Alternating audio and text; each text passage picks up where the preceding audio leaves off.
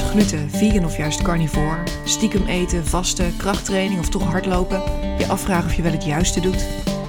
Eten doen we allemaal en toch is het ingewikkeld geworden. Helemaal als je voelt dat je niet helemaal op het juiste spoor zit. Maar hoe vind je die?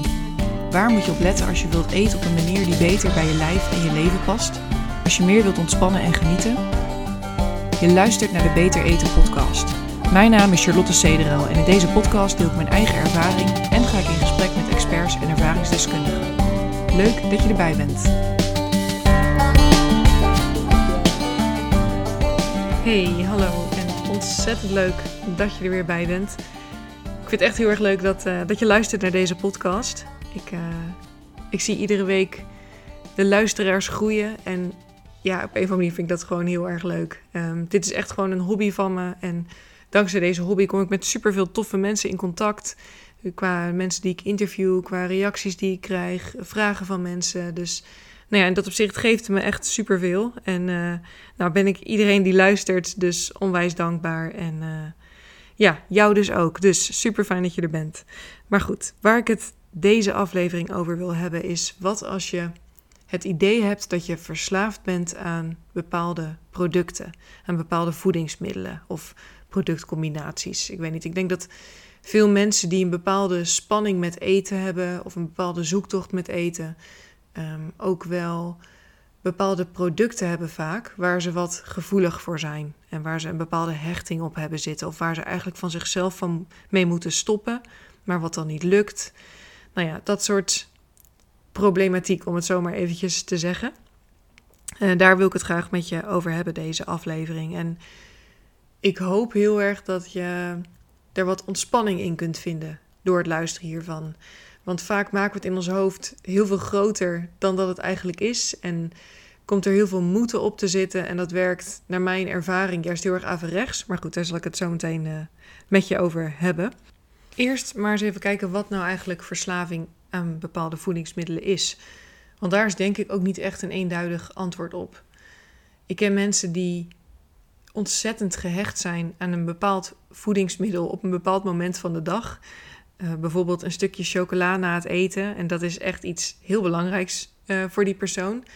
Uh, maar ook mijn moeder, die altijd als ze uit werk komt, einde van de middag, een plakje ontbijtkoek met boter neemt en een cappuccino uit een zakje. en dat doet ze gewoon altijd, al zolang ik haar ken, 31 jaar.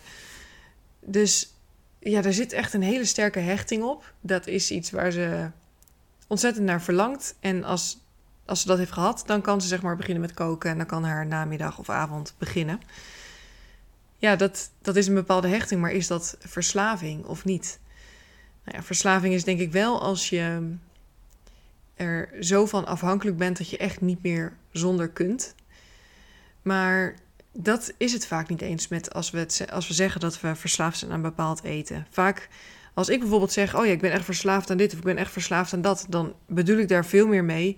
Oh ja, ik eet dit of ik eet dat en ik wil er eigenlijk heel graag mee stoppen, maar het lukt me niet echt. En dan noem ik het in mijn hoofd al een verslaving en dan dat komt eerder omdat er een soort moeten op zit dat ik dat eigenlijk niet zou mogen van mezelf, dan dat ik daar echt zo'n enorme afhankelijkheid van heb. Want soms is het dus ook iets wat gewoon heel erg lekker in je ritme past. Wat ik net bijvoorbeeld zei over mijn moeder met haar plakje ontbijtkoek. Ja, daar kun je van alles van vinden. Zij gaat daar gewoon super goed op. Dit past helemaal bij haar en bij haar leven. Ja, dat plakje ontbijtkoek geeft haar gewoon heel veel. En zo is het misschien helemaal niet erg. Misschien heb jij iedere dag hetzelfde ontbijt, dezelfde lunch en hetzelfde avondeten. Of iets wat heel erg dicht bij elkaar ligt. En is dat iets waar jij heel erg lekker op gaat. En nou zou je dat misschien een verslaving kunnen noemen, maar aan de andere kant is het gewoon iets wat bij jou past blijkbaar. Sommige mensen gaan gewoon heel erg goed op een vast ritme. En andere mensen die gaan juist heel erg goed op wat meer afwisseling. Dus wat ik hiermee probeer te zeggen is dat soms de bril die je op hebt en het oordeel wat je over je, de manier waarop je eet hebt, um, maakt dat je soms denkt dat je aan bepaalde dingen verslaafd bent, wat misschien helemaal niet zo is. Maar goed, het wordt natuurlijk anders als je er echt geen controle meer over hebt. En dat is een beetje een glijdende schaal. Er is niet een wel een controle of een niet een controle. Maar op een gegeven moment kan het zijn dat je met bepaalde voedingsmiddelen ergens in terecht bent gekomen dat je gewoon geen rem meer hebt. Ik heb wel eens iemand gesproken die zei: Uh, die, was dan, die uh, interviewde ik ehm, als carnivore. Zij is Astrid Tanis, een van de eerste carnivore interviews die ik heb gedaan. Zij zei, als ik één aardbei eet, dan moet die hele bak leeg. Ik heb gewoon daarop geen rem. En zolang zij vlees blijft eten, dus alles elimineert waar ze zich aan kan overeten, dan blijft het rustig voor haar. En zo ken ik meer mensen. Ik heb een tijdje bij een zelfhulpgroep voor mensen met een eetprobleem gezeten. En bij die groep ja, zitten mensen met allerlei vormen van eetproblematiek. En dus ook mensen die last hebben van eetbuisstoornissen. En die vinden gewoon heel erg veel rust door bepaalde voedingsmiddelen helemaal te schrappen. Dus alle suiker, alle meel, ehm, soms ook alle fruit. Nou, alles waar een bepaalde craving op kan zitten, dat helemaal schrappen. Nou, dat is best een grote restrictie, maar dat geeft hun rust. Dus dat is een van de manieren hoe je ermee om kunt gaan als je merkt: oké, ik heb hier echt geen rem op, ik heb hier geen controle over, ik wil er super graag vanaf, ik skip het gewoon helemaal. Voor sommige mensen is dat dus echt een oplossing. Bij mezelf heb ik gemerkt dat dat niet echt een oplossing is. Ik, het lukt me vaak wel eventjes om dingen helemaal te laten staan. En dan uiteindelijk versloft het toch weer een beetje. Dan voel ik niet meer de urgentie van mijn probleem of van mijn verslaving, wat vaak ook helemaal niet zo was. En dan, ehm, en dan eet ik het toch weer een keertje. En dan denk ik, oh, nou ja, tot zover mijn voornemen. Soms duurt dat voornemen dan een halve dag, soms duurt het een week. Nou ja, dat kan. Uh... dus het echt helemaal skippen. Ik heb dat een tijd gedaan met bepaalde voedingsmiddelen. Maar echt een duurzame oplossing is dat voor mij niet. Wat mij wel heel erg helpt, is er op een andere manier naar gaan kijken. En dit, deze manier ontdekte ik toen ik een keer bij een acupuncturist was, was jaren geleden. En ik, uh, ik ben één keer bij hem geweest. Die man heeft geen naald gezet. Maar we hebben gewoon een uur gepraat. En ik ging wel met een totaal nieuw perspectief naar buiten.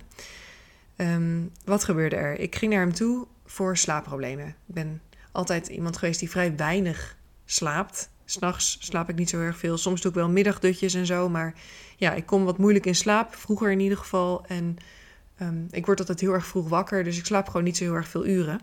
En daar had ik een heel groot probleem mee. Ik dacht dat het echt iets heel slechts was. Je leest overal dat je minstens acht uur of zeven uur per nacht moet slapen. En dat je je dan echt heel erg veel beter voelt. Ja, dat lukte mij gewoon niet. Ik voelde me ook best wel vaak moe.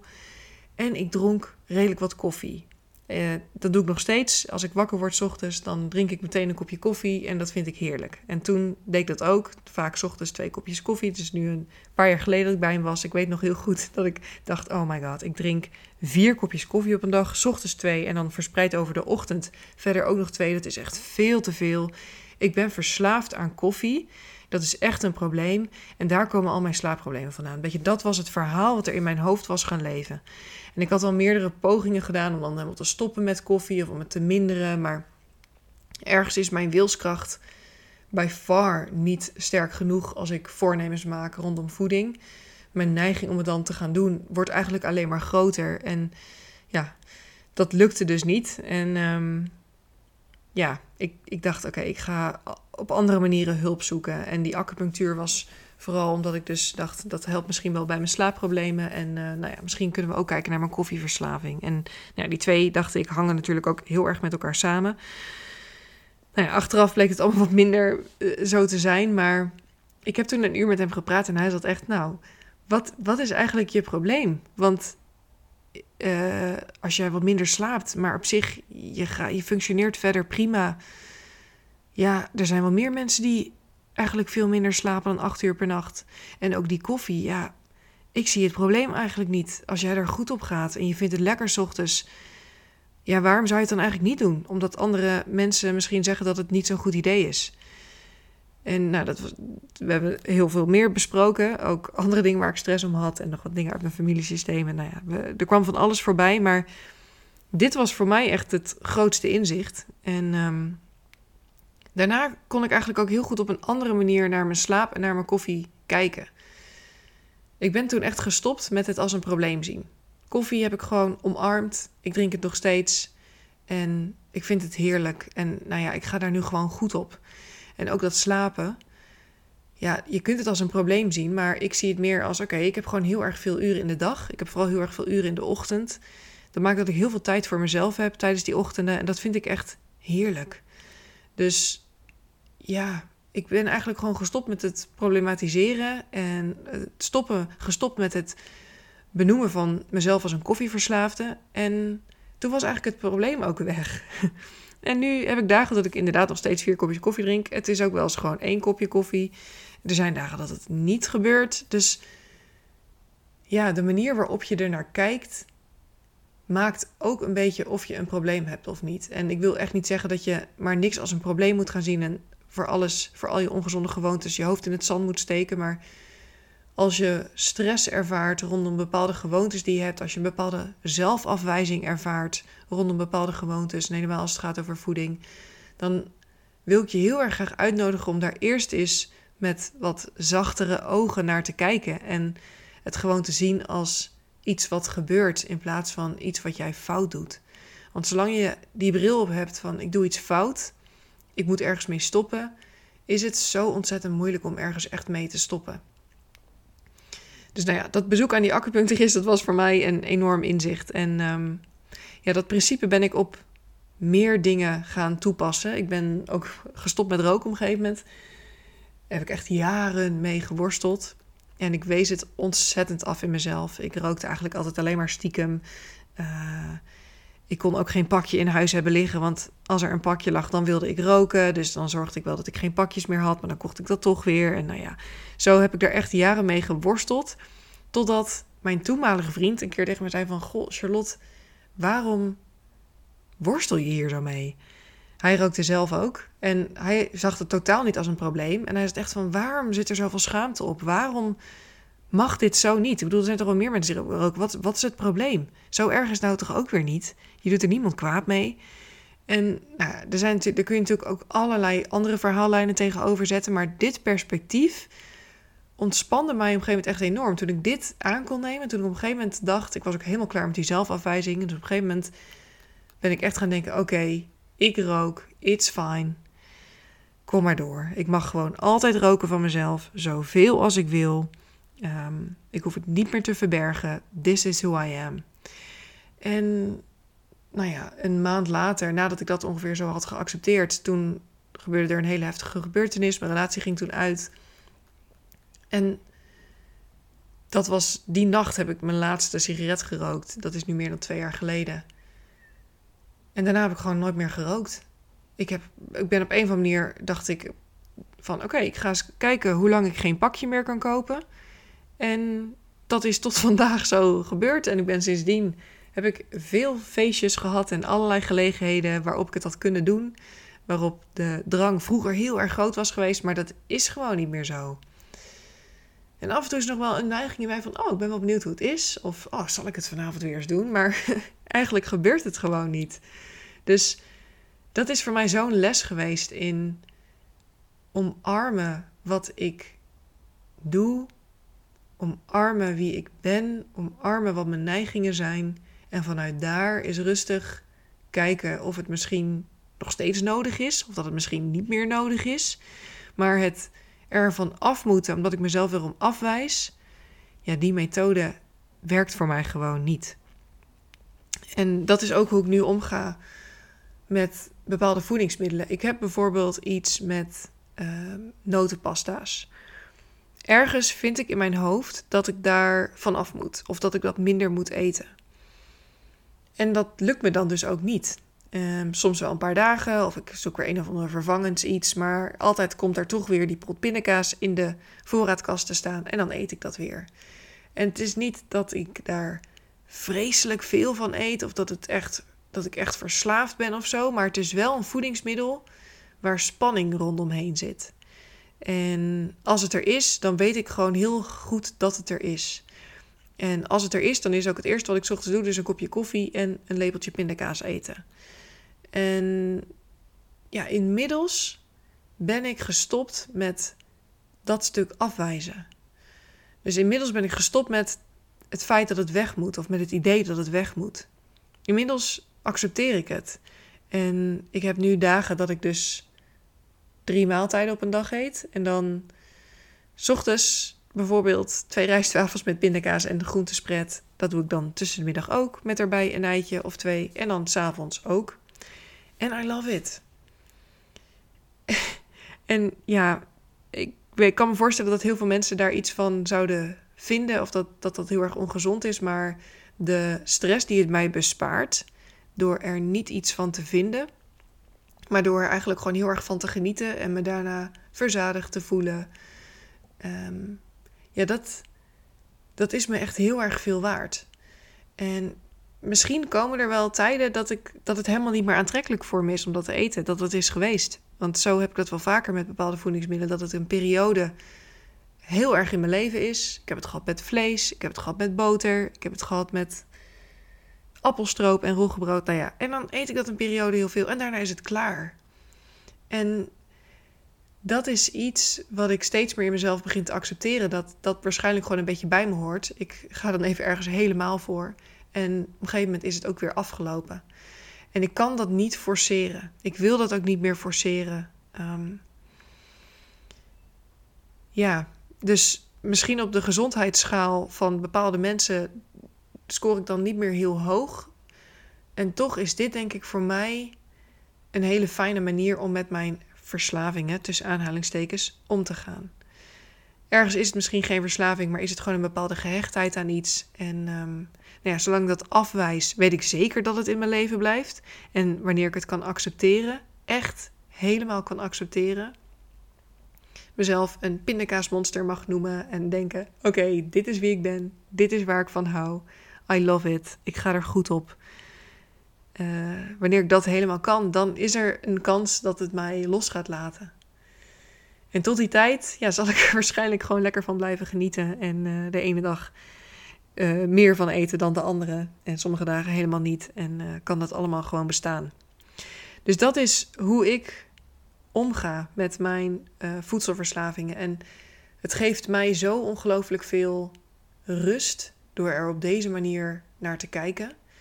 En wat ik aan het begin ook al zei, sommige mensen gaan echt heel erg goed op het helemaal skippen van bepaalde voedingsmiddelen. Ik ben erachter gekomen dat dat voor mij geen duurzame oplossing is. Um, ja, toen ik dus bij die zelfhulpgroep zat, heb ik echt met een voedselplan een lange tijd allerlei voedingsmiddelen niet gegeten. En dat, ja, ik, ik zat daar omdat ik veel te dun was eigenlijk. En omdat ik er een bepaalde spanning omheen had. En dus ook wel een enorme drang naar uh, bepaalde voedingsmiddelen. Maar ik denk dat die drang er ook was omdat ik gewoon een soort van ondervoed was. Dus dan krijg je ook cravings naar vet. En um, dat dan in een voedingsplan opschrijven als zijnde dat mag ik niet eten. Ja, ik geloof niet dat dat een oplossing is. Dus ja, voor mij werkt deze manier heel goed. En er is nog wel één kanttekening die ik er ook bij wil plaatsen. Ik heb het nu echt over een fixatie op bepaalde voedingsmiddelen. Het kan natuurlijk ook zijn dat jij een spanning hebt of een bepaalde verslaving hebt op bepaalde momenten. Dus dat je een soort emotieeter, whatever that may be. Ik denk dat we dat allemaal een beetje zijn. Maar um, dat jij bijvoorbeeld eet uit eenzaamheid of uit frustratie of um, ja, je, uit boosheid. Weet je wel, dat, dat voeding een go-to is, een oplossing. En als dat zo is, want dat is natuurlijk ook heel vaak zo, ja, dan nou ja, zou ik zeker ook zeggen: kijk of je het kunt accepteren.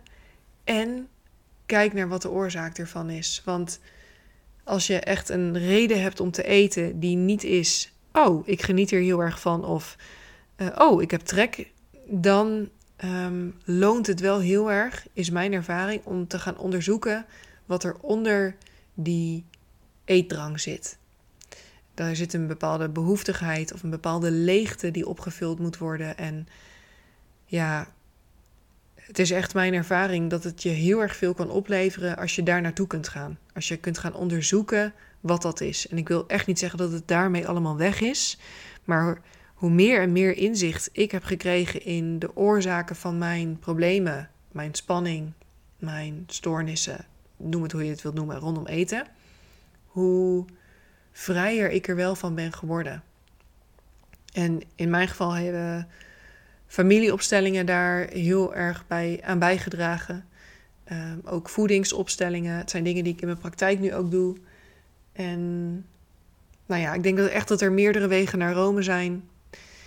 Maar dat is iets wat, wat mij heel erg heeft geholpen om dat te onderzoeken.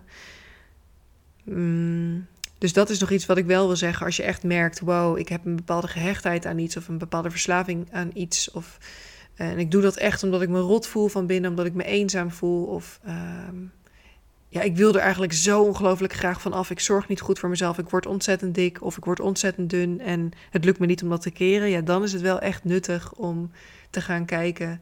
Hey, wat is er in mij dat dit nodig heeft? Wat is er in mij dat deze behoefte heeft? Want er is iets in jou wat iets tekort komt. Waarschijnlijk is het geen eten, maar is het iets anders en het kan heel erg lonen om dat te onderzoeken. Maar goed, dat is voor iedereen zijn eigen persoonlijke journey. En uh, nou ja, daar ben je aan toe als je daar aan toe bent. Maar als het gaat over verslaving aan bepaalde voedingsmiddelen, of een, bijvoorbeeld koffie of pindakaas, of af en toe een chocotof, of wat het ook is voor jou, dan wil ik je ook heel erg uitnodigen om daar met een ontspannen blik, met zachte ogen naar te kijken. En ja, gewoon eens uit te nodigen om het te zien als, nou, dat, dat hoort nu even bij mij. Dat vind ik fijn, daar, is, daar, daar, daar geniet ik van. En dat dat oké is.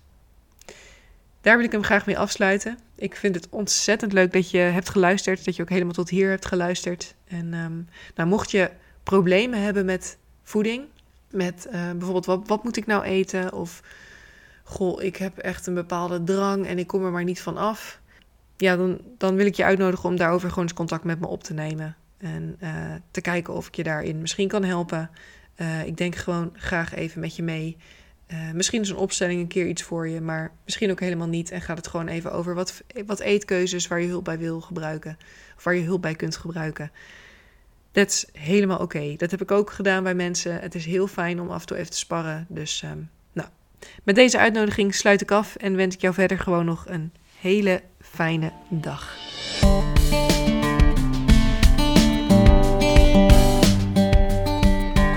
Dit was hem weer. Dankjewel voor het luisteren en heel graag tot de volgende keer.